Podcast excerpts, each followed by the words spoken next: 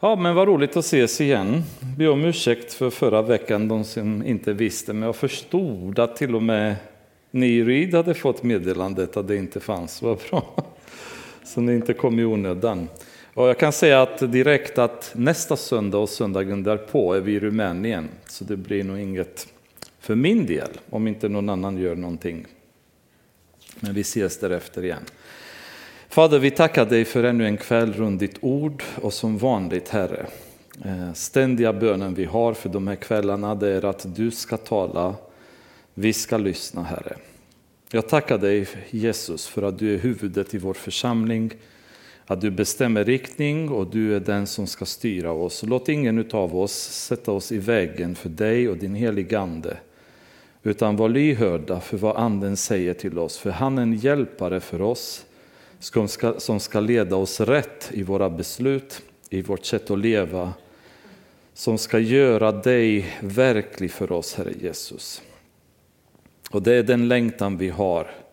En längtan över att var och en i den här församlingen ska vara stark i tron, väl fast i ordet, så ingen vind av doktrin ska kunna rubba någon, utan att vi ska kunna navigera rakt på den väg som vi är alla på väg till, Herre, och det är vägen till himlen. Jag ber, Herre Jesus, att ingen av oss ska avvika till vänster eller höger, utan riktningen ska hållas rakt. Allt genom din heliga Andens kraft, genom din hjälp, med din nåd och tack vare det, det offer som du har gjort för oss, Jesus. Vi prisar dig för detta och ber att du ska göra ditt ord levande för oss ikväll, återigen. Fader, i Jesu namn ber vi. Amen. Eh, en eh, kort rekapitulation av eh, kapitel 20. Om ni kommer ihåg, då lämnade vi Paulus efter han hade haft mötet med äldsterna i Efesus, någonstans i de trakterna.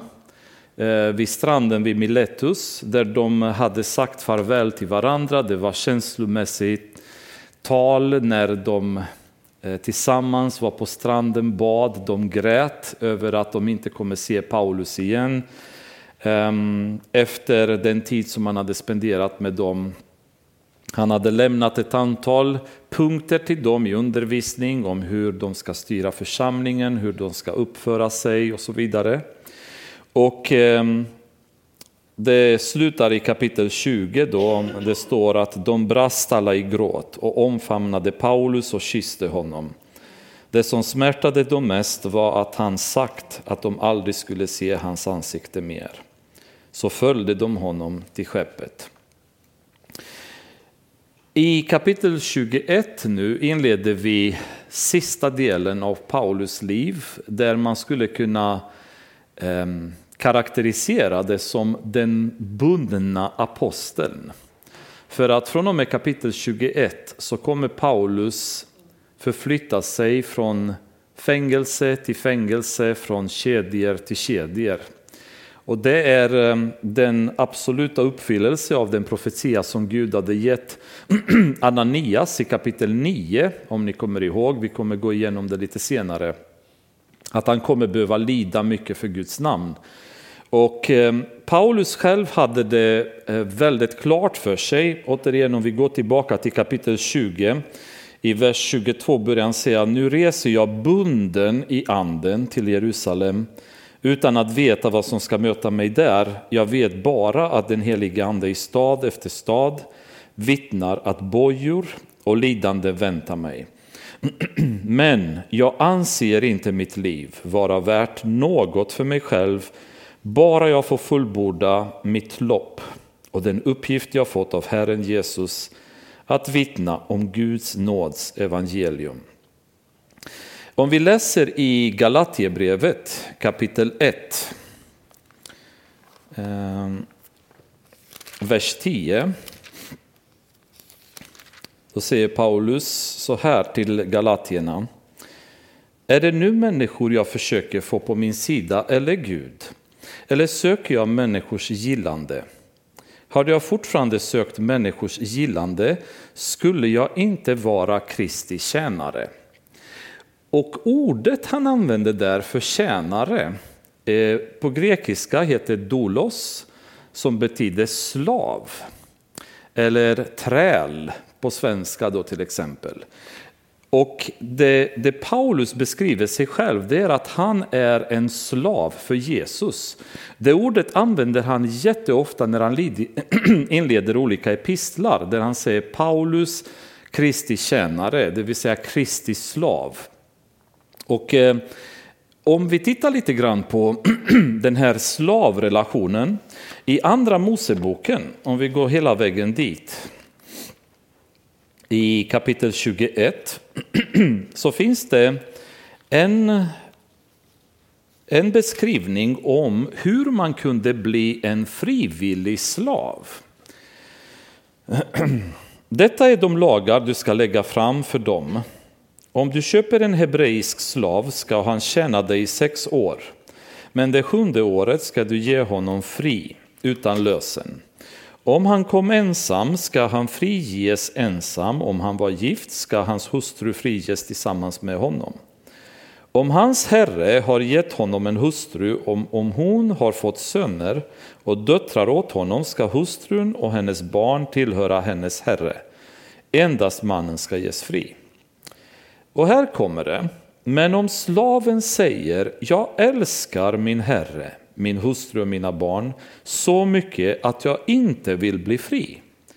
Då ska hans herre föra fram honom inför Gud, ställa honom vid dörren eller dörrposten och genomborra hans öra med en syl. Sedan ska han för alltid, för alltid vara sin herres slav.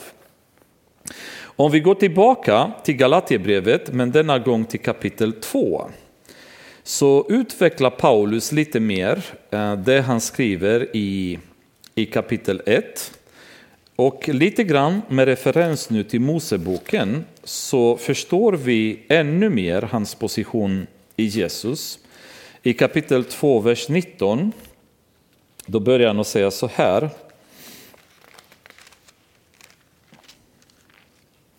Jag har genom lagen dött bort från lagen för att leva för Gud. Jag är korsfäst med Kristus och nu lever inte längre jag utan Kristus lever i mig. Och det liv jag nu lever i min kropp, det lever jag i tron på Guds son som har älskat mig och utgett sig för mig. Och i, vidare i Filipperbrevet, ni kommer ihåg när Paulus berättar om hur han betraktar allting som han har någonsin haft som avskrädde gentemot glädjen av att nu känna Jesus. Så Paulus frivilligt har gett sitt liv till Jesus och blivit Jesus slav. Och han säger i Galaterbrevet, jag har blivit korsfäst med Jesus, kanske ännu större utveckling än att bara örat var genomborrad med en sil i Gamla Testamentet. Jag har blivit korsfäst, mitt liv som jag levt, levt existerar inte längre. Utan hela syftet med mitt liv är Jesus. Och Det är väldigt bra om vi har den här bilden i huvudet för att förstå vad som kommer hända nu i kapitel 21, 22, 23 och så vidare. För att förstå grunden till vad som fick Paulus att kunna leva det liv han levde. Han hade gett upp allt. Världen existerade inte för honom längre. Ehm, och det är ju den här punkten som vi som kristna egentligen måste komma till och eftersträva det är att världen ska vara död för oss och vi ska vara levande för Gud. Och det är den permanenta utmaningen för kristenheten idag. Där klarar vi att vara döda mot världen? Eller försöker vi att permanent anpassa oss till världen?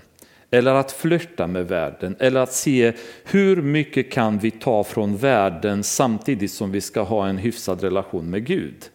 Den inställningen existerade inte hos Paulus utan för honom världen och dess lockelser och allt det representerade, det var över.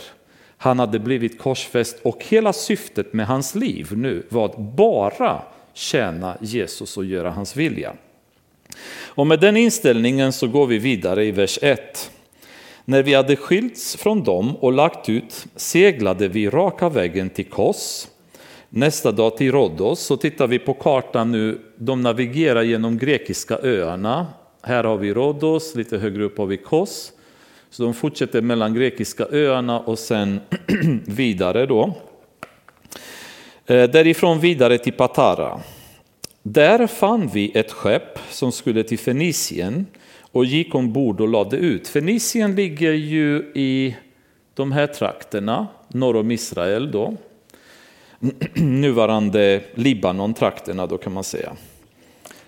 Vi siktade Cypern och lämnade ön bakom oss på babordssida, seglade till Syrien och kom till Tyrus där lasten skulle lossas.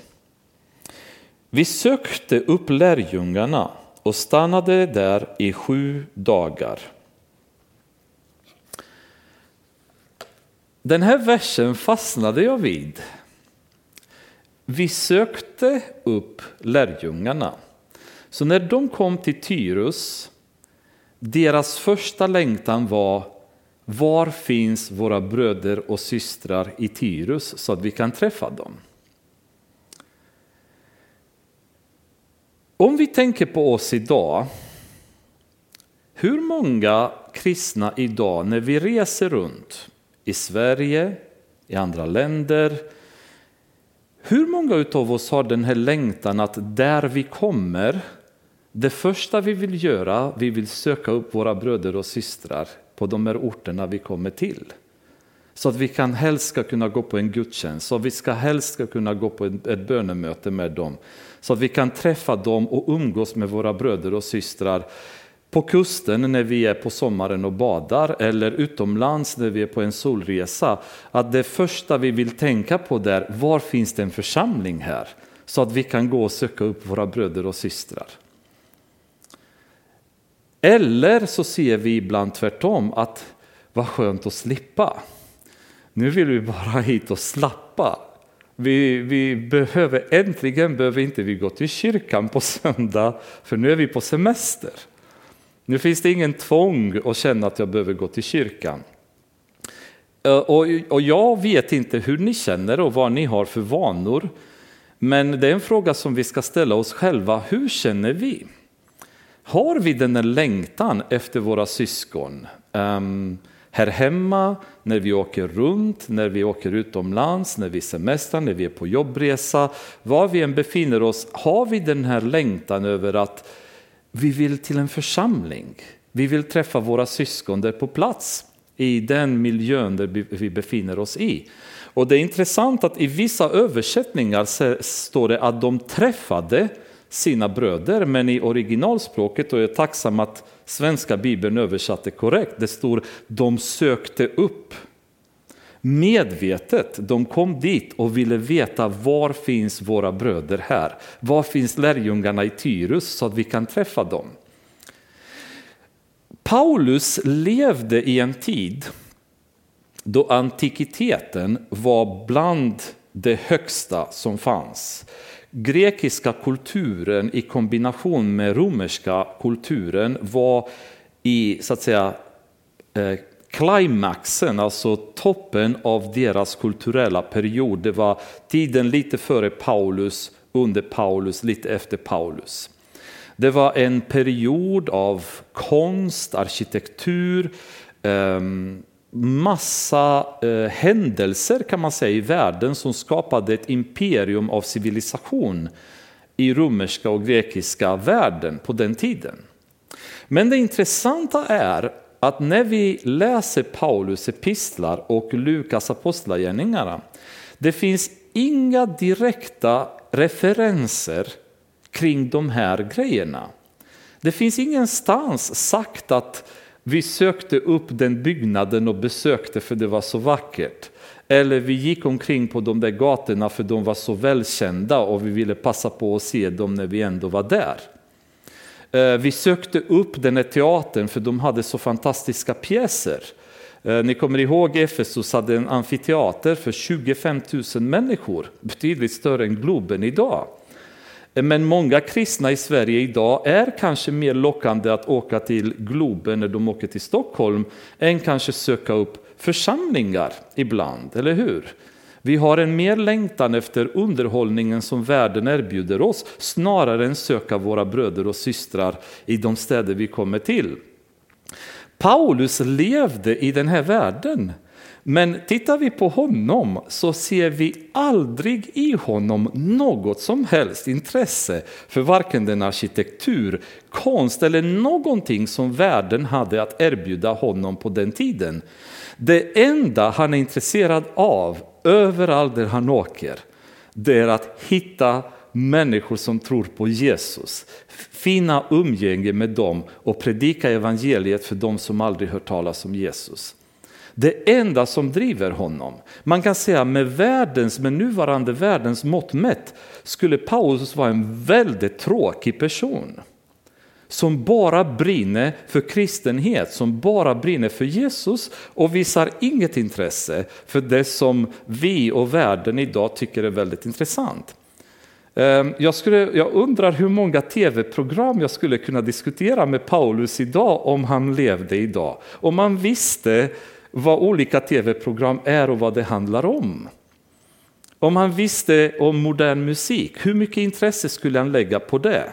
Hur mycket intresse skulle han lägga på film? Hur mycket intresse skulle han lägga på att läsa deckarromaner eller annat? Det är bara en, en, en, ehm, så att säga, en egen tanke. Jag har ingen synpunkt för vi vet inte exakt hans privata liv. Det vi vet är att det nämns inget sånt i hans berättelser utan det enda han pratar om det är Jesus, Jesus, Jesus, Jesus och församlingen. Det är det han brinner för. Och det första de gör när de kommer till Tyrus, de vill söka upp lärjungarna. De vill finna dem och spendera tid med dem. Det är det bästa, det bästa de vet. Och det är kanske något för oss att tänka på. Har vi den här längtan i våra liv för församlingen? Och då menar jag inte för Pingstkyrkans stöpen utan för församlingen, för kyrkan i övrigt. För vi tillhör en stor Kristi kropp över hela världen där vi har bröder och systrar som delar samma tro med oss. Och det är underbart fascinerande när man reser till ett annat land och träffar kristna där och spendera tid med dem och kunna be med dem och sjunga med dem och lyssna på dem prata om Jesus. Det stärker oss, det bygger upp oss i vår tro och bygger dem i deras tro när vi umgås tillsammans över gränserna. Och det är det de, de gjorde, de stannade för att söka upp lärjungarna i Tyrus. Genom anden sade de åt Paulus att inte fortsätta upp till Jerusalem. Så samma budskap som han hade fått tidigare ehm, på väg till Efesus och i Efesus, samma budskap får han återigen från lärjungarna i Tyrus som, som känner från heliganden att Paulus, du ska inte gå upp till Jerusalem, du kommer få problem, det är farligt. Men när dagarna hade gått bröt vi upp och fortsatte resan. Alla, även kvinnor och barn, följde med oss ut ur staden och på stranden böjde vi knä och bad. Samma scen som i Efesus. På stranden inför avresan så böjer alla knän och ber tillsammans. Sedan tog vi farväl av varandra och steg ombord på skeppet och de återvände hem till sitt. Efter Tyrus kom vi till Ptolemais där sjöresan tog, sjöresan tog slut. Vi hälsade på bröderna där och stannade hos dem en dag. Så nu har de egentligen kommit på fastlandet, så de är i de här trakterna av Tyrus och Ptolemais. Och Tyrus och Sidon, det är ju två ställen som permanent nämns i Bibeln. Jesus bland annat hade till och med varit där uppe och predikat evangeliet för dem. Och eh, det hade varit kul om vi hade mer tid att fördjupa oss lite mer i de här två städerna, speciellt Tyrus, för det är väldigt spännande eftersom det finns ju profetier som har uttalats mot Tyrus. Och Jesus, när han jämför hans verk i Israel, han säger om ni hade, om det som har skett bland er hade skett i Tyrus, då hade de kommit till tro, men ni har inte kommit till tro. Det är någonting kring den där Tyrus som vi kunde gräva lite djupare kring. Men vi kanske kan ta det någon annan gång. Men eh, de hade passerat nu Tyrus, kommit till Ptolemais och stannat där en dag. Nästa dag fortsatte vi och kom till Caesarea. Där gick vi hem till evangelisten Filippus som var en av de sju och stannade hos honom. Han hade fyra ogifta döttrar som profeterade. Filippus, kommer ni ihåg honom? Kapitel 7, Apostlagärningarna. Han är en av diakonerna som väljs eh, tillsammans med Stefanus och ett antal andra. Och mot församlingen då på den tiden, den som inledde bland annat förföljelsen är just Saulus, som heter Paulus nu. Han är med när Stefanus stenas till döds och som resultat av den förföljelse som Paulus ledde flyr Filippus till Samaria där han började predika evangeliet i kapitel 8. En stor väckelse uppstår och därefter så går han vidare och bosätter sig i Caesarea. Jag kan bara föreställa mig hur det här mötet måste ha varit nu 20 år senare när Paulus har varit där som har drivit Filippus iväg, som har satt skräck i dem, i diakonerna, i församlingen på den tiden. 20 år senare möts de här två männen. Det måste ha varit ett väldigt rörande möte kan jag tänka mig att komma hem till Filippus, både för Filippus själv och för Paulus. Um, nu att träffa Paulus som i 20 år har slitit på evangeliets fält över hela världen och predikat evangeliet med en beslutsamhet och styrka och kraft från helig ande och kunna för Filippos att kunna se honom och känna, kunna kramas och säga min broder. Det måste ha varit väldigt starkt. Jag önskar att Lukas hade skrivit mer om just det där mötet, för vi kan bara föreställa oss känslosamma mötet mellan de här starka gudsmännen då som äntligen efter 20 år möts tillsammans. Då. Men det nämns inte så mycket mer än att de bodde hemma hos Filippus och Filippus hade döttrar som profeterade. Och så går man vidare. Och när vi hade varit där i flera dagar kom en profet som hette Agabus ner från Judeen.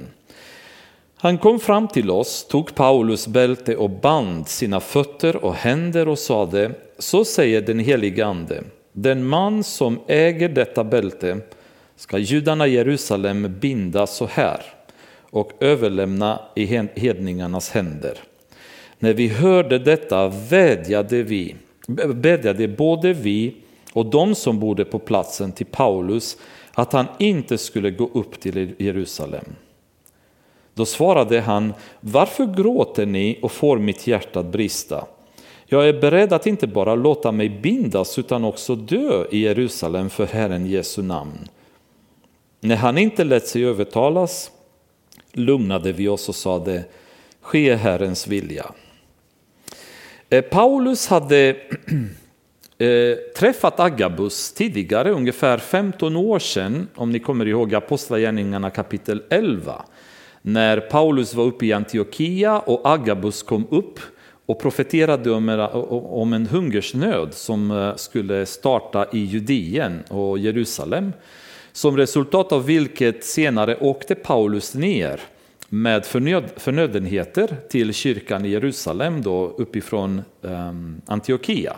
Så de två kände varandra och Agabus uppenbarligen var en känd profet. Nu kommer han upp till Caesarea och eh, profeterar igen ganska så dramatiskt eh, att Paulus kommer hamna eh, bunden och kommer hamna i fångenskap helt enkelt när han åker till Jerusalem. Det intressanta är återigen, nu har vi läst väldigt många verser redan där Paulus har förvarnats gång på gång utav heliga anden att detta kommer ske. Både i, i sitt eget hjärta har han känt vi läste tidigare i kapitel 20 hur anden hade talat om för honom, samt genom andra kristna som profetiskt talade till honom och sagt att det, det kommer bli problem. Och nu blir det en väldigt konkret profetia där Agabus kommer upp för ändamålet och talar om för Paulus att så här kommer det ske och tar hans gördel och knyter fast och säger på det sättet så kommer det ske med dig. Så denna gång är en total bekräftelse av någonting som Paulus under en lång period har haft klarhet i från Herren. Och det här har vi pratat om tidigare, men jag vill gärna stanna lite till kring det eftersom vi ändå är här. Ehm, generellt sett så skulle jag nog våga påstå att tittar vi bibliskt på hur profetierna sker så är det många gånger profetierna är en bekräftelse på någonting som anden redan talat om för oss. Vi har som kristna en relation med Gud, vi har en kommunikation med Gud. Vi ber, vi läser ordet, vi lever i gemenskap med honom och många gånger så börjar Gud tala saker till vårt hjärta. Antingen genom ordet, genom andra människor vi sitter och pratar med, i bön eller vilka andra sätt han väljer. Men ibland så kan det finnas en viss osäkerhet kring huruvida är det Guds röst vi hör, är det min röst jag hör? Eh, och det finns en, kanske en oklarhet i detta. Och då kan Gud skicka en profet som tydligt talar om för oss, så, så säger Herren om dig. Och det kan vara klart, då vet vi. Det är bekräftelsen på det som vi egentligen har känt hela tiden men varit osäkra på. I Paulus fall det rådde inte ens någon osäkerhet, han visste vid det här laget att det kommer ske. Men profetian blev en konkret Ehm, förvarning kan man säga från heliganden om att det här är på allvar, det här kommer ske och på det viset kommer fortlöpa. När personer kommer och uttrycker profetier över er som får er att lyfta blicken och känna va? Var väldigt försiktiga med sådana profetier. Jag, kan inte, jag skulle inte våga säga att det är inte från Gud, men var väldigt, väldigt, väldigt försiktiga. För Gud talar direkt till oss, vi är ju hans barn, vi har en daglig kommunikation. Så när någon säger en profetia som fullständigt inte matchar någonting som ni har känt i er relation med Gud, då bör man vara väldigt försiktig, pröva en sån profetia extremt noga, därför att det kan mycket väl vara så att det inte kommer från Gud.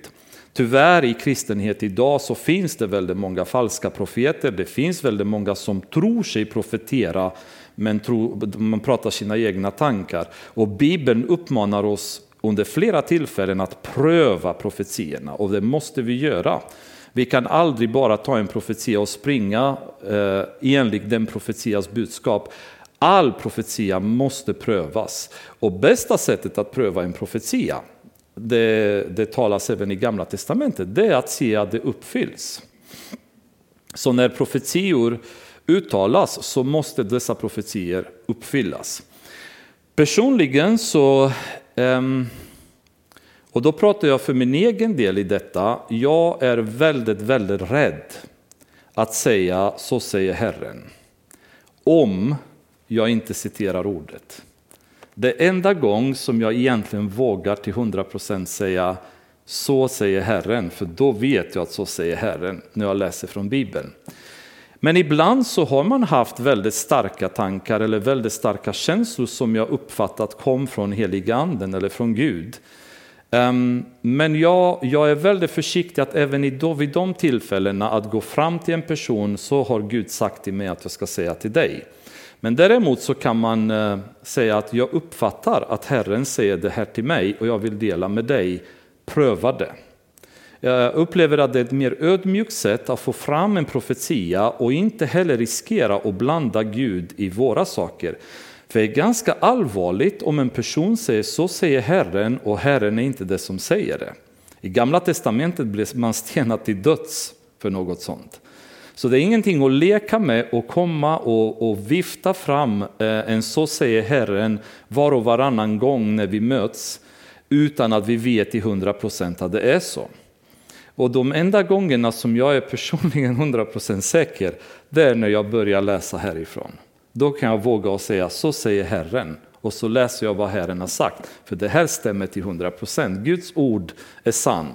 Sen vad jag själv känner, vad jag själv uppfattar, där upplever jag för min egen del att jag är väldigt, väldigt försiktig och går fram till någon och säger så säger Herren.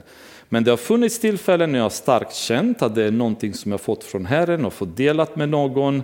Men det, det, är alltid med försiktighet, be att man ska be över det, pröva det, se så verkligen kommer det från Herren och följ det som Herren talar till dig direkt därefter.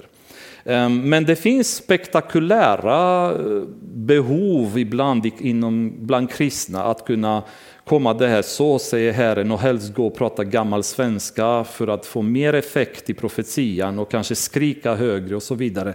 Personligen är jag väldigt anti sånt, väldigt, eh, upplever oftast att det, det är kanske fel fokus på fel person snarare än fokus på Herren. Um, utan eh, försiktighet i profetians tolkning bör finnas. Och återigen med gamla testamentet i bagaget och det allvaret med vilket Gud har straffat dem som har gått fram och sagt så säger Herren utan att han har sagt det. Så jag lovar, varken jag eller ni vill vara i den sitsen någon gång och behöva komma eh, och förklara för Gud varför vi har sagt det när han aldrig har talat någonting till oss. Men med detta sagt så är profetian extremt avgörande för oss som församling, som kyrka. Profetian det betyder att tala ut på grekiska, profetoo. Och det betyder att både tala ut Guds budskap, det vill säga att tala ut det som står här i hans ord. Och likväl att, att tala ut någonting som kommer att ske, som Herren lägger på vårt hjärta och vill skicka ett budskap. Generellt också ser vi i Bibeln profetierna vara väldigt konkreta. Eh, när en profet kommer fram i Bibeln, då kommer de fram därför att det finns en speciell situation när folket levde i synd, eller när folket väntade på ett tydligt budskap från Gud inför någon viktig händelse i deras individuella liv eller som nation. Ibland när de stod inför ett krig till exempel, hur ska vi förhålla oss i det kriget? Då kom en profet som Jesaja till exempel, som kommer att säga, ni behöver inte vara rädda, håll fast ställningarna för Gud har lämnat dem i era händer, till exempel. Um, när vi har situationer då någon levde i synd, um, när um, när Gud talade om till exempel om de eh, leviterna som plockade kött, det bästa köttet ur kastrullen vid templet och, och försåg sig själva, då kommer Gud genom en profet och, talar, och sätter dem på skarpen. Då. Och det finns sådana situationer i Bibeln när folket lever i synd, folket sitter inför ett väldigt hårt beslut, eller en person, individ, kung, vem det nu är, befinner sig i en situation som är väldigt knivig, då kan Gud skicka en profet. När David själv syndar med Batsheba, då skickar Gud Natan till honom för att genom en, en berättelse ta fram situationen i, i Davids liv och eh, förmana honom att ändra sig i detta. Däremot så är det riktigt om ni plöjer genom, genom Bibeln från början till slut så kommer ni inte träffa på profetier utan adress. Det finns alltid en adress när en profet eller en profetia kommer fram. Det finns en adressant som den skickas till. Det skickas till den specifika personen, till den specifika nationen eller till den specifika gruppen för respektive situation. Och i våra dagar så hör man väldigt ofta profetior utan adress. Eh, folk som bara ropar ut budskap men som inte är riktade mot någon och ingenting konkret i budskapet utan det kan vara väldigt generella profetior. Och de skulle jag nog våga säga i bästa fall var väldigt, väldigt försiktiga och väldigt prövande gentemot.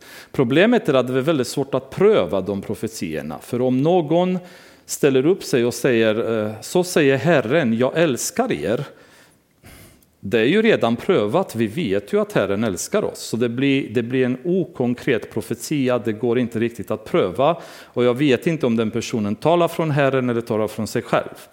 Men jag är alltid misstänksam personligen och verkligen försöker att känna efter om en profetia kommer från Gud. För att jag har den skyldigheten enligt Bibeln att pröva profetierna. Så var inte rädda att pröva profetier.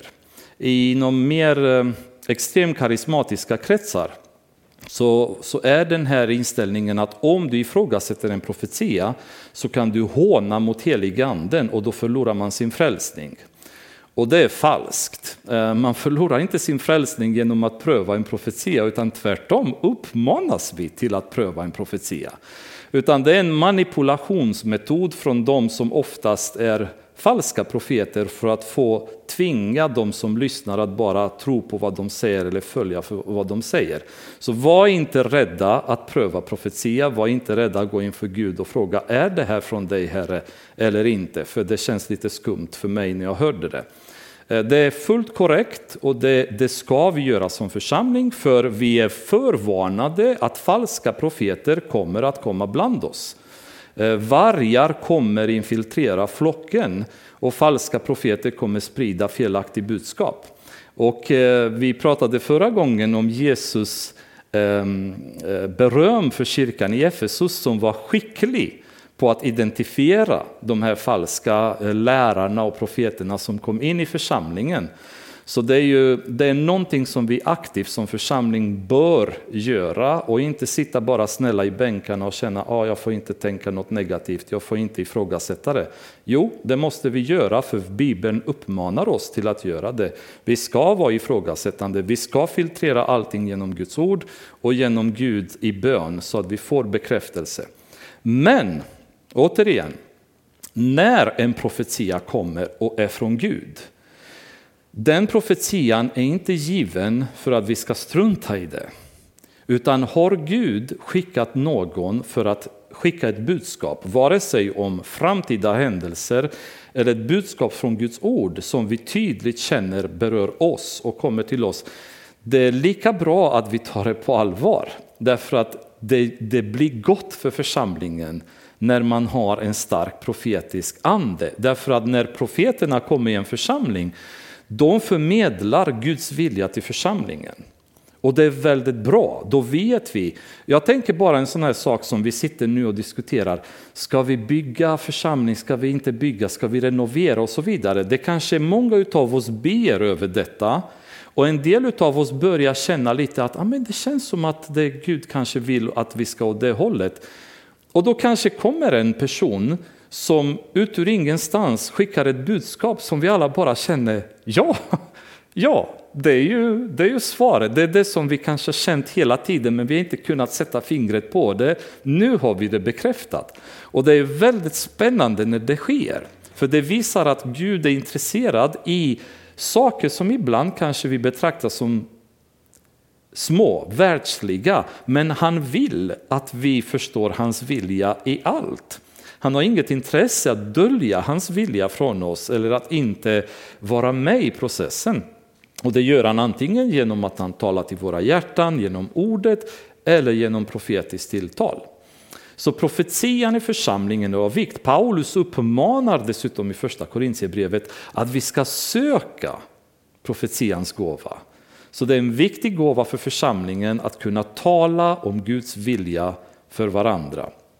Så eh, i det här fallet så, så kommer Agabus och bekräftar genom profetiskt tilltal av ganska så dramatisk uppvisning vad Gud ville förvarna Paulus om hela tiden. Att när du kommer till Jerusalem, då kommer det bli problem. Och nu kan vi vända i Apostlagärningarna kapitel 9 det vi nämnde kort i början. För när Paulus kom till tro på Damaskus väg, då talade Gud till Ananias. Och eh, Ananias eh, var lite rädd för Paulus, för han visste vem han var. Men då säger Gud till honom, bara för att förklara läget, i kapitel 9, vers 15. Herren sade till honom, gå det vill säga till Ananias. För han, Paulus, är mitt utvalda redskap för att bära fram mitt namn inför hedningar, 1, och kungar, 2, och Israels barn, 3. Och jag ska själv visa honom hur mycket han måste lida för mitt namns skull. Så det uppdraget som Gud hade för Paulus från början, det var att han skulle predika evangeliet för hedningarna, nummer ett. Det var främsta uppgiften som Gud hade för Paulus.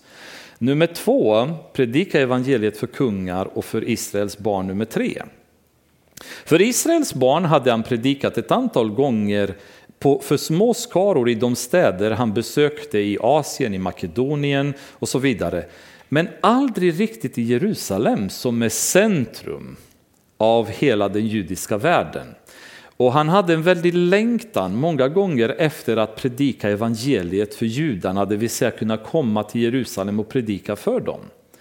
Dessutom så eh, hade han än så länge inte predikat evangeliet för några kungar.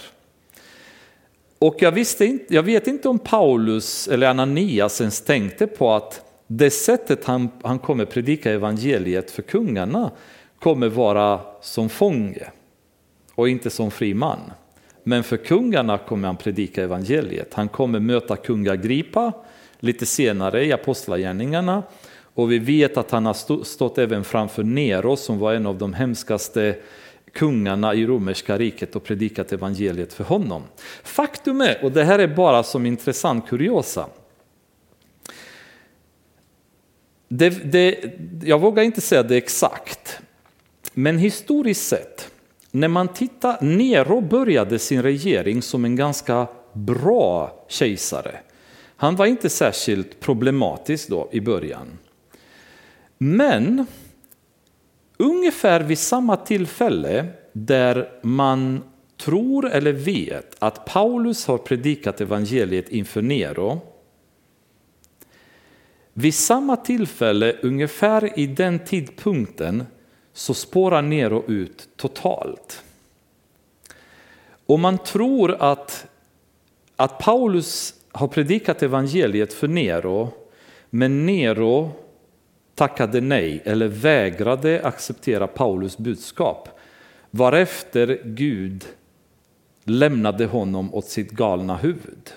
Och galet blev det därefter. Han var en av de, de grymmaste kejsarna som, som gjorde lampor av kristna och tände längs Roms gator och eldade ner hela Rom och så vidare. Och, och tittar man historiskt så är det väldigt många som sätter de två tillsammans att ungefärliga tiden då Paulus har predikat för Nero är tiden då Nero spårade ut mentalt. Och att hans vägran att kanske ta emot evangeliet bestraffades av Gud genom att han lät honom bara bli galen. Eh, vi vet inte, men intressant att ha i tankarna och det kan vara en liten förklaring också till Guds profetia redan i kapitel 9, vikten av att Paulus skulle tala till kungar. Evangeliet skulle nå hela vägen till Rom och inte bara till vanligt folk. Då. Men eh, detta var ju liksom profeterat redan från början och lidandet som Paulus skulle behöva gå igenom var också känt. Glöm inte heller att efter hans frälsning så spenderade Paulus tre år ensam i Arabien där han direkt fick från Jesus undervisning. Han skriver aldrig om vad som har hänt under den tiden, men vi kan bara föreställa oss hur tre år under direkt undervisning från Jesus har sett ut.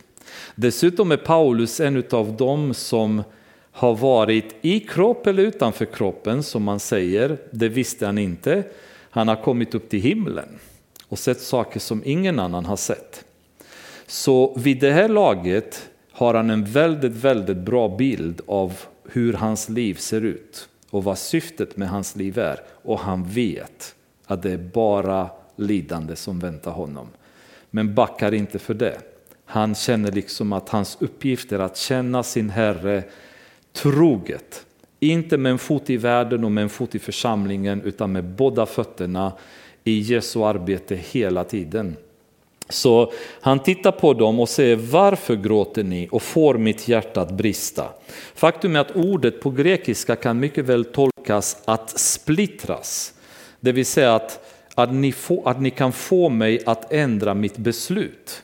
Så det är inte att få mitt hjärta att brista för att det är så mycket sorg i mitt hjärta, utan snarare att ni riskerar att splittra mitt hjärta, att ni riskerar att få mig att backa från min resa till Jerusalem, vilket jag inte vill göra då. Och det är ganska intressant när man tittar på originalspråket att det kan mycket väl innebära att ni, ni försöker att ändra mitt beslut, ni, ni får mig att inte göra det jag vill. Varför vill ni göra det? Jag är beredd att inte bara låta mig bindas utan också dö i Jerusalem för Herren Jesu namn. När han inte lät sig övertalas lugnade vi oss och sade ske Herrens vilja. Och vilken underbart, vilket underbart sätt att avsluta en, en åsiktsskillnad i församlingen. Alltså det finns ju grejer kring vilka vi ibland inte kommer överens om. Eh, Oftast praktiska detaljer. Och i de situationerna så finns det också ett tillfälle där vi behöver säga ske Herrens vilja. Jag tycker så, du tycker så. Låt oss se vad Herren har för oss att göra. Och vi behöver inte stöka till det så mycket mer. Nu handlar inte detta om doktrinära frågor där vi behöver vara kristallklara, utan det handlar om kanske organisatoriska frågor. Vilken färg ska vi ha på väggarna? Någon tycker rött, någon annan tycker vit och vi kan bråka om det. Men i grunden är ju låt Herrens vilja ske. Och vi enas i detta. Vi, vi går inte vidare och, och klänger fast vid varandra och försöker att övertyga varandra, utan de backade och sa Herrens vilja ska ske, för Herrens vilja alltid sker. Vi kan inte påverka Herrens vilja hur mycket vi än vill, utan Guds vilja sker alltid. Det enda vi kan göra är att vi placerar oss i hans vilja, då är det så bra som det bara kan bli för alla. Efter dagarna där gjorde vi oss i ordning och påbörjade resan till Jerusalem. Några av lärjungarna från Caesarea följde också med. Och de tog oss till en viss Nasson från Cypern, en gammal lärjunge som vi, som vi skulle vara gäster hos. Så kom vi till Jerusalem och bröderna tog emot oss med glädje. Nästa dag gick Paulus tillsammans med oss andra till Jakob och dit kom också alla de äldste.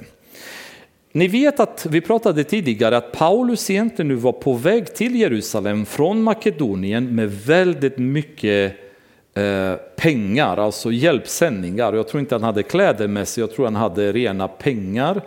Förmodligen som man skulle lämna över till kyrkan i Jerusalem. Och det var hans sätt att, att få en slags ehm, försoning mellan judarna som var de kristna judarna och de kristna hedningarna.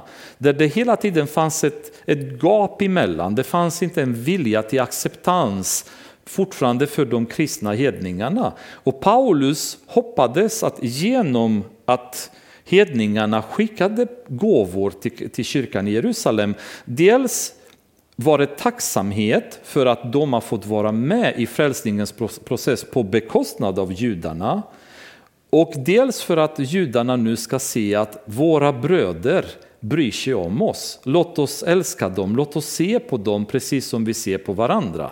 För ni kommer se att det definitivt inte på det sättet de såg på dem. Så det fanns fortfarande en tydlig splittring mellan Jerusalem församlingen och resten av världen och nu fanns det kristna församlingar i Nordafrika, i Makedonien, i Asien, i Syrien, överallt. Men kristna i Jerusalem hade fortfarande svårigheter med att acceptera ehm, att acceptera detta, utan de, de såg ju problem i det hela. Och Paulus nu kommer med alla dessa gåvor till församlingen i Jerusalem och eh, möter Jakob. Och Jakob, om ni kommer ihåg, det är Jakob Jesu bror som var lite ledare för församlingen i Jerusalem. Det är samma som har skrivit Jakobs brev. Och han sammankallar också de äldste och de möter dem tillsammans. Han hälsade på dem och berättade i detalj om allt som Gud hade gjort bland hedningarna genom hans arbete. När de hörde det prisade de Gud. Sedan sade de till honom, du ser broder att det finns tiotusentals bland judarna som har kommit till tro och alla håller de strängt på lagen. Nu har du hört sägas att du lär alla judarna därute bland hedningarna att avfalla från Mose och säger att de inte ska omskära sina barn eller leva efter våra seder. Vad gör vi nu? De får säkert höra att du har kommit. Gör därför som vi säger, vi har fyra män som har avlagt ett löfte. Ta med dem och rena dig tillsammans med dem och betala för dem så att de får raka huvudet. Då förstår alla att inget av det de har hört om dig är sant utan att du själv står fast vid lagen och håller den. Men när det gäller hedningar som kommit till tro har vi skrivit och bestämt att de ska hålla sig borta från kött offrat till avgudar, från blod, kött av kvävda djur och sexuell omoral. Så vad de säger till Paulus är att Paulus, det är fint allt det här du har gjort. Intressant med alla församlingar, jätteroligt, prisa Herren, men, men, det här är vad vi har på vårt hjärta. Och här har vi problem för att tiotusentals judar har kommit till tro. Det vill säga de tror på Jesus. Men de håller fortfarande lagen. Och de har hört att du predikar till hedningarna att det behövs inte lagen längre. Och nu kommer vi få bekymmer här, för vid den här tiden, vid pingstdagen i Jerusalem, det var ungefär två miljoner judar som samlades mellan, mellan påsk och pingst. Ungefär två miljoner judar samlades i Jerusalem. Så det var en stor skara som var där. Och apostlarna de, de får kalla kårar längs med ryggraden och säger, och mitt i detta så kommer du nu. Vad gör vi nu? säger de till Paulus. Vad gör vi nu? Och min, mitt svar till detta vore inget annat än det vi ska. Predika sanningen. Stå för det vi står för. Var sanna i det vi representerar som kristna. Men vid det här laget, jag vet inte om ni har märkt, men efter kapitel 7 så pratas det inte speciellt mycket om kyrkan i Jerusalem längre. Och de gånger då det pratas om det är i lite grann problematiska former. I kapitel 8, när Filippos startar väckelsen i Samar Samarien, så är Petrus och Johannes på väg dit för att se vad är det som händer här. En viss misstänksamhet mot vad samarier ska komma till tro. Kommer de dit och ser oj, här är det en stor väckelse. Då kör vi igång, vi döper dem och, och, och fortsätter vidare. När Petrus möter Cornelius och Cornelius familj kommer till tro, då får han sig en ordentlig utskällning av kyrkan i Jerusalem när han kommer tillbaka och berättar för dem vad som hade hänt. De var inte särskilt glada åt det. Eh, senare, eh, när Paulus är tvungen att åka från Antiochia, kapitel 15, så är det ett stormigt möte i Jerusalem kring huruvida hedningarna skulle hålla sig till lagen eller inte. Det vill säga, det vi ser hända i kyrkan i Jerusalem, det är en långsam urvattnande av det starka budskapet med vilket de inledde i kapitel 2, kapitel 3, kapitel 4, i Apostlagärningarna kapitel 5 till och med. Men så småningom, rädslan för kritik, rädslan för för mycket motstånd, det får dem att börja vackla i sin starka tro som de hade i början på apostlagärningarna och börja bli försiktiga i budskapet. De börjar bli lite politiskt korrekta och försöker att paketera det hela på ett sätt om det möjligt skulle kunna vara så det inte trampar någon på tårna. Medan Paulus, han var en evangelistisk maskin. Han brydde sig inte om vad folk tyckte och tänkte, sanningen skulle fram. Och mellan Paulus och kyrkan i Jerusalem verkar aldrig riktigt ha varit en hundraprocentig bra relation. Paulus var en, en törn i, i sidan för kyrkan i Jerusalem till den punkten där han till och med kritiserar Petrus när han var uppe i Antiochia som åt med hedningarna men sen när de andra judarna kom då låtsades Petrus som inget och smög in och bara åt med judarna. Och Paulus sa bara vad är detta? Det är hyckleri. Så du äter med hedningarna innan men du äter inte nu när judarna är här. Så han var inte den som backade Evangeliet och budskapet i Bibeln det var så centralt viktigt för Paulus så han skulle inte backa från det. Och det blev ett problem. Um, Paulus är en person som antingen blev hatad där han kom eller så startade en väckelse där han kom. Han polariserade folk hela tiden. Ehm, du var antingen för honom eller mot honom och de som var i mitten hade det väldigt svettigt och församlingen i Jerusalem teoretiskt sett visste att det han gjorde var rätt. Men han var obekväm. Han skapade potentiella problem och hur ska vi lösa detta säger Jakob. Vad ska vi göra nu?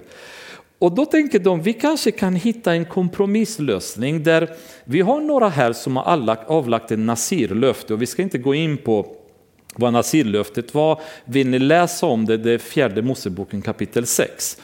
Men det är några som hade avlagt ett löfte och i det löftet ingick reningsprocessen i slutet av löftet som innebar att de i princip under sista dagarna var bara i templet. De kunde inte arbeta, de kunde inte göra något och därför behövde de oftast någon som hjälpte dem med pengar under den tiden. Och då säger de till Paulus, vi har några stycken här som har avlagt ett nasirlöfte. Du kanske skulle kunna vara den som sponsrar dem med pengar och på så vis visar du dig att du fortfarande bryr dig om lagen. Och man kan tänka sig hur kom det sig att församlingen i Jerusalem inte hade gjort klart vid det här laget för judarna att Jesus var uppfyllelsen av lagen. Offrande och lagens ritualer var inte nödvändiga längre nu när Jesus har uppfyllt allt. Så på någonstans i undervisningen så hade detta slinkit ifrån kanske församlingen och tillåtit att lagen tog mer och mer plats i församlingen snarare än Jesu nåd och Jesu offer, vilket för Paulus var grundläggande. Men Paulus i vers 26 tog med sig männen och nästa dag renade han sig tillsammans med dem. Sedan gick han in i templet och meddelande när reningsdagarna skulle vara avslutade och offret bäras fram för var och en av dem. Och man tänker återigen offret. Varför offer när Jesus har kommit? Han, han, all, allt offersystem borde ha försvunnit för kristna församlingen i och med Jesu ankomst. När de sju dagarna närmade sig sitt slut fick judarna från Asien se Paulus i templet. De hetsade upp hela folkmassan och grep tag i honom. Och man kan tänka sig, gjorde Paulus rätt att han gick med på den här kompromissen? Och det finns väldigt många åsikter, många som säger att nej, han gjorde fel. Han skulle aldrig ha gått med på detta. Men tänker man så, då förstår man inte riktigt Paulus mentalitet. Paulus såg sig själv som en fri människa. Han kunde göra precis vad han ville i Kristus. Läs Romarbrevet kapitel 14. Jag kan göra vad som helst i Kristus i princip, säger han. Men den linje som han ständigt följde i sitt liv, det var första Korintierbrevet kapitel 9. Och det är ju den som är eh, det som, som kännetecknade Paulus arbete.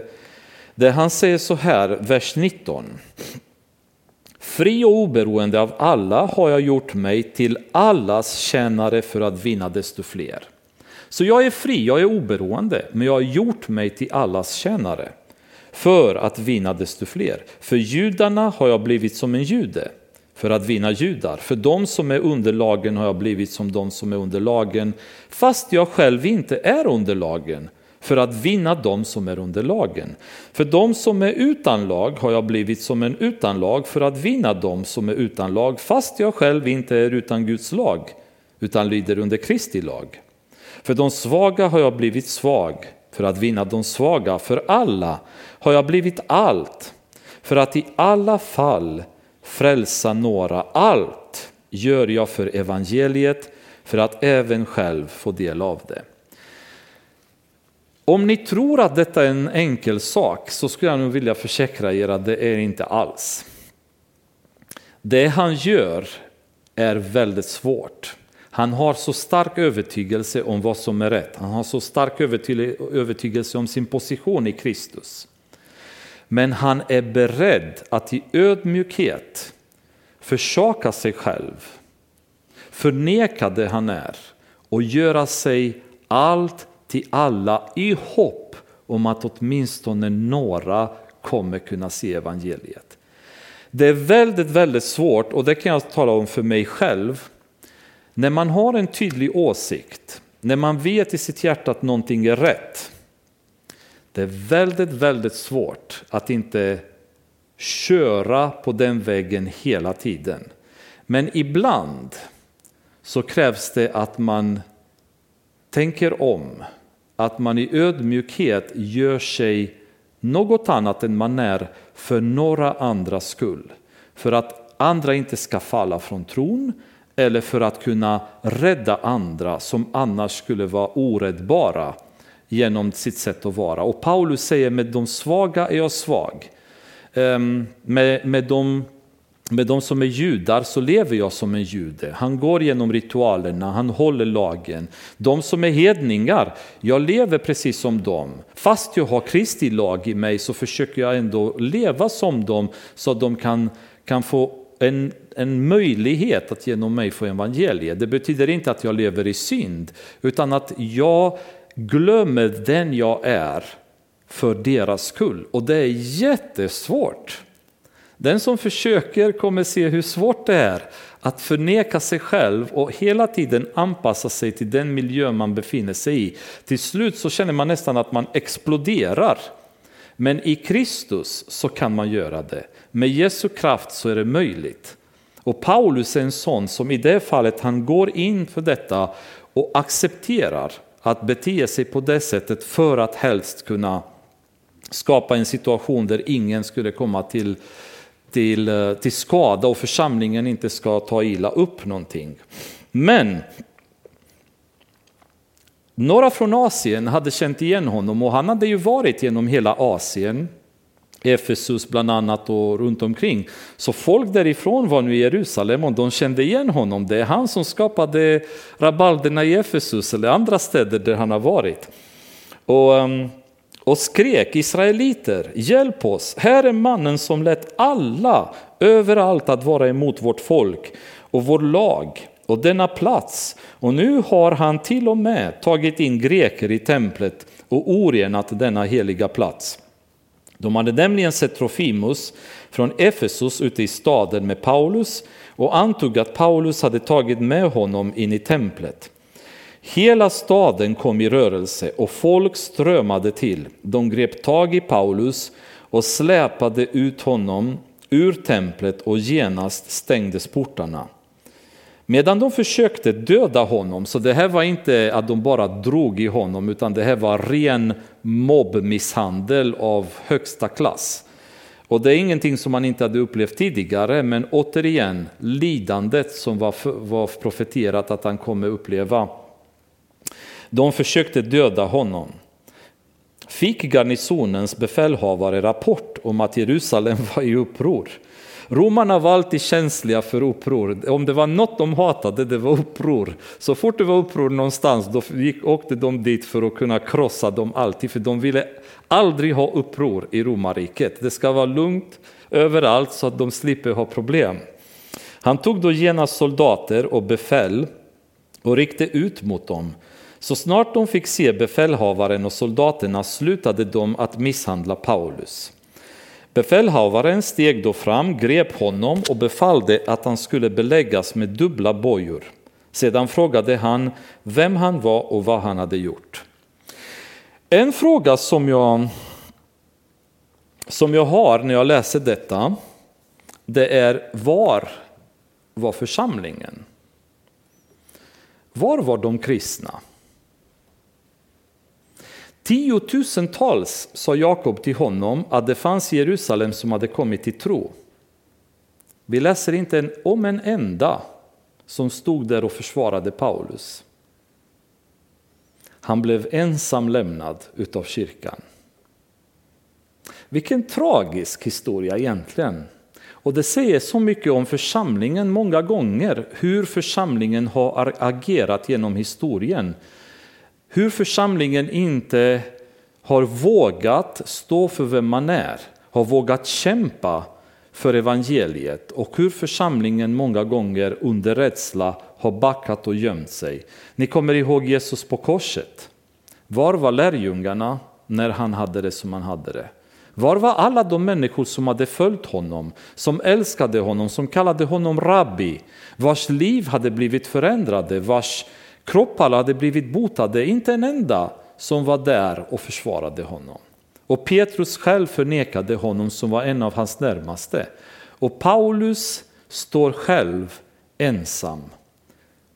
Den mäktigaste aposteln i församlingens historia vars arbete vi har att tacka för att vi är kristna idag egentligen. Men kommer dit och tiotusentals kristna finns i Jerusalem. Men de är inte där med honom. Han var ogillad av församlingen, av väldigt många. Och vilken tragisk berättelse. När församlingen är så pass vilseledd så att man inte ser de människor som Gud reser i församlingen. Väldigt, väldigt sorglig historia. Jag har aldrig någonsin tänkt på det tills jag läste på nu. Att han var helt ensam. De äldste var där, Jakob var där, församlingen var där, han var själv. Inte en enda ställde upp. Och det är väldigt tragiskt. Att han blir räddad egentligen av romarna och inte av församlingen. Fast de kunde mycket väl ha varit där. De kunde ha omringat honom, de tiotusentals kristna, och sagt ni kommer inte förbi oss. Men de var inte där. Lämnade honom ensam. Några i folkmassan skrek ett, andra något annat. Då han, i, då han i kaoset inte kunde få klart besked befallde han att Paulus skulle föras till fästningen. Fästningen låg precis intill templet egentligen, lite ovanpå templet, så därifrån hade de kunnat se tumultet kring templet. Då. Och nu tar de honom tillbaka till fästningen. När de nådde trappan var soldaterna tvungna att bära honom, så våldsamt trängde folkmassan på. För de följde efter och skrek bort med honom. Just när Paulus skulle föras in i fästningen frågade han befälhavaren Får jag säga något till dig? Han svarade, du kan ju grekiska. Då är du inte egyptien som gjorde uppror för en tid sedan och fick med sig de 4000 knivmännen ut i öknen. Paulus svarade, jag är jude från Tarsus i Kilikien, medborgare i en betydande stad. Jag ber dig, låt mig få tala till folket. Befälhavaren gav sin tillåtelse. Paulus ställde sig då på trappan och gav tecken med handen åt folket. Det blev tyst och han talade till dem på hebreiska och sade och även om ni vill jättegärna att jag fortsätter en timme till så sparar vi kapitel 22 till nästa gång och går in i Paulus försvarstal till judarna. Um,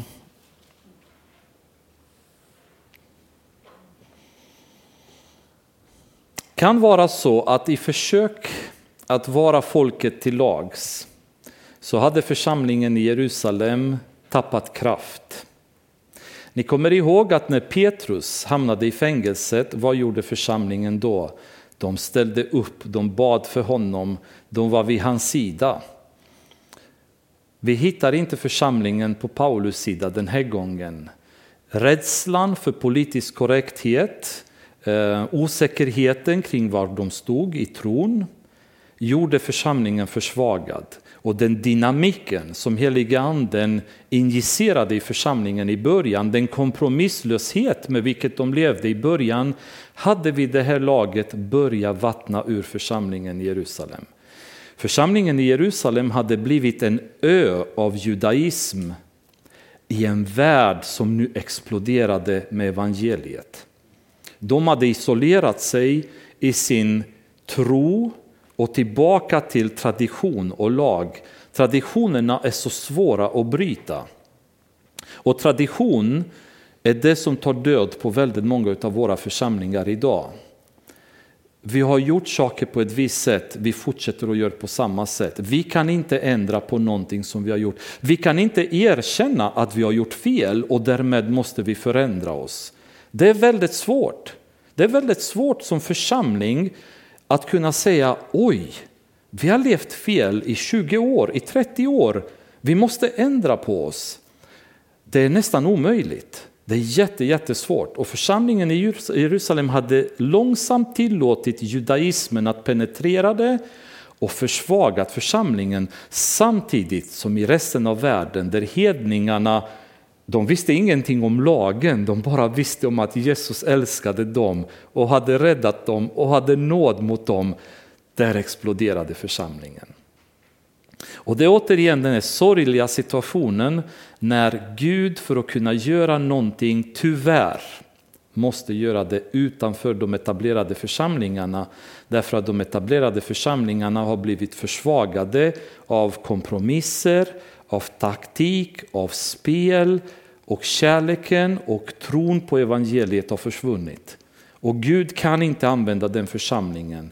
De skinnen är för torra så när man häller in nyvinet i det så spricker de och är tvungen att göra någonting utanför församlingen där Paulus gick in till nya ställen, predikade evangeliet och folk kom till tro över hela världen. Och församlingen i Jerusalem, de levde i en fantasivärld.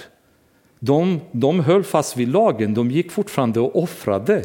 Och runt omkring dem i världen så exploderade väckelse med människor som kom till tro.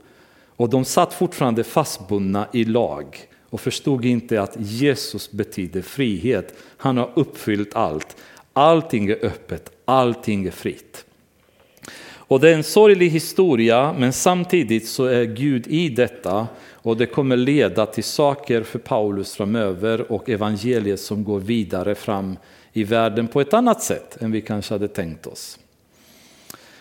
Fader, vi tackar dig för ikväll och ber om din välsignelse för varje ord som kommit från dig så det stannar kvar i våra hjärtan, i våra sinnen och ger resultat. Herre, jag ber för oss som församling, låt oss få bara hålla oss nära dig.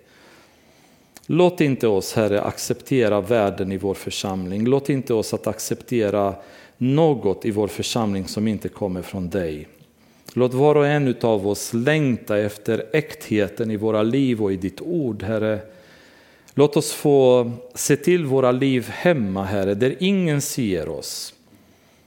När bara du ser oss, Herre, låt oss få leva ett liv som du gillar, som du välsignar, Herre. Låt inte oss bara använda en fasad, spela ett spel, låtsas vara kristna, Herre, utan låt evangeliet vara äkta i våra hjärtan. Låt din heliga Ande bara vara full i våra liv, i full kontroll, Herre. Jag tackar dig för den fantastiska gåvan vi har att kunna få kallas, kalla oss själva dina barn. Herre Jesus, jag tackar dig för din nåd mot oss. Att du inte vänder oss ryggen när vi inte uppträder på rätt sätt. Att du har en sån förståelse och en sån tålamod med oss, Herre. Jag ber att du ska förlåta oss varje synd, Herre, som vi har begått och som har hindrat dig från att agera i vår församling på bästa möjliga sätt och att din vilja har fått ske varenda gång. Jag ber att du ska förlåta oss de gånger vi har stått i vägen för din heliga Ande, Herre. Jag ber att du ska förlåta oss de gånger som vi har agerat i köttet och inte i anden, Herre. Förlåt var och en. Och låt den här församlingen bara uppstå som en frisk, stark församling där din vilja alltid sker, Herre Jesus. Jag ber om vishet för alla i församlingen, Herre. För medlemmar, för äldste, för pastorn, Herre att alla ska få din vishet så att vi kan leva ett liv i kärlek, i nåd och i glädje med varandra, Herre. Tack för att du har valt oss som din brud, Herre. Tack för de rena kläderna du gett oss, tvättade i ditt blod. Och tack för att du har haft en sån otrolig kärlek för oss. Fader, jag tackar dig för att du har tillåtit vår Herre Jesus att dö för oss och ge oss hopp, Herre. Låt det hoppet vara starkt, prägla vår vardag, Herre, och kunna, kunna explodera ur våra liv till andra människor så att även de, Herre, ser ljuset. Så att inte det här ljuset är litet och slocknat utan det är starkt så att alla kan se, Herre. I Jesu namn ber vi, Herre. Amen.